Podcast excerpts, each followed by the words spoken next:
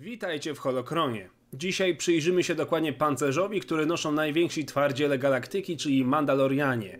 Ich zbroje obrosły legendą, zobaczmy więc ile w nich prawdy i czy faktycznie są tak niezwykłe. Kultura Mandalorian to temat na oddzielny odcinek, ale zbroja ma tutaj znaczenie nie tylko ochronne, ale również, o ile nie przede wszystkim, kulturowe właśnie. Każdy wojownik i żołnierz Mando nosił pełny pancerz zwany w ich rodzimym języku jako Beskargam, co znaczy w dosłownym tłumaczeniu żelazna skóra. Pancerz był w centrum ich filozofii życiowej. Jego noszenie było jedną z sześciu zasad, które wyznawali, tak zwanych rezolnare, czyli sześć działań. Jedną z nich było właśnie noszenie pancerza, który zapewniał nie tylko ochronę, ale i identyfikację kulturową, niezależnie od płci czy rasy. Każdy Mando miał wyglądać jak Mandalorianin. Wygląd zbroi zmieniał się na przestrzeni lat, będąc wciąż ulepszanym. Uzbrojenie także było modyfikowane. Na wyposażeniu znalazł się miotacz płomieni czy mini wyrzutnia rakiet umiejscowiona na nadgarstkach. Jedna rzecz pozostawała niezmienna charakterystyczny projekt hełmu w literę T. Z czasem to właśnie hełmy stały się znakiem rozpoznawczym kultury Mando. Pancerze same w sobie wykonane były z wielu materiałów, jednak głównie korzystano z trzech: alum, dura stali i stygienowego polimeru tripryzmatycznego. Niektórzy tworzyli pancerze korzystając z niemalże niezniszczalnego żelaza zwanego Beskar. Zbroje wykute z tego ostatniego były najdroższe i niezwykle wytrzymałe. Najczęściej jednak nie trafiały na handel, ale przekazywane były z pokolenia na pokolenie. Sam wygląd pancerza był właściwie zależny od tego, kto go nosił. Kolorystyka modyfikacje i dodatki były odbiciem charakteru noszącego, czy też symbolizowały poszczególne klany.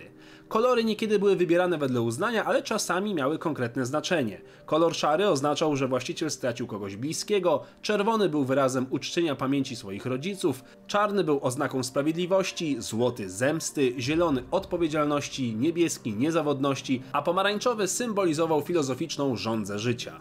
Pierwszymi szeroko znanymi pancerzami były zbroje krzyżowców podczas Wielkiej Wojny Sith. Jego głównym zadaniem było chronić właściciela podczas pojedynków bronią białą, gdyż właśnie taka walka była dla Mando najbardziej honorowa. Kolejne pancerze wersji neokrzyżowców zaprojektowane przez Kasusa Feta miały rolę unifikacji rodu Mando, który często był wielorasowy. Swojego czasu obowiązywał również określony kolor pancerza, który był jednocześnie rangą. Srebrny nosili weterani pierwszej linii, Złote, tak zwani Field Marshal, co można by przetłumaczyć na marszałków pola bitwy, ale brzmi to okrutnie, karmazynowe nosili tak zwani Rally Masters i tu znów tłumaczenie mija się z celem, a cała reszta miała pancerze niebieskie. Powstał też pancerz dla jednostek zwanych Shock Trooperami.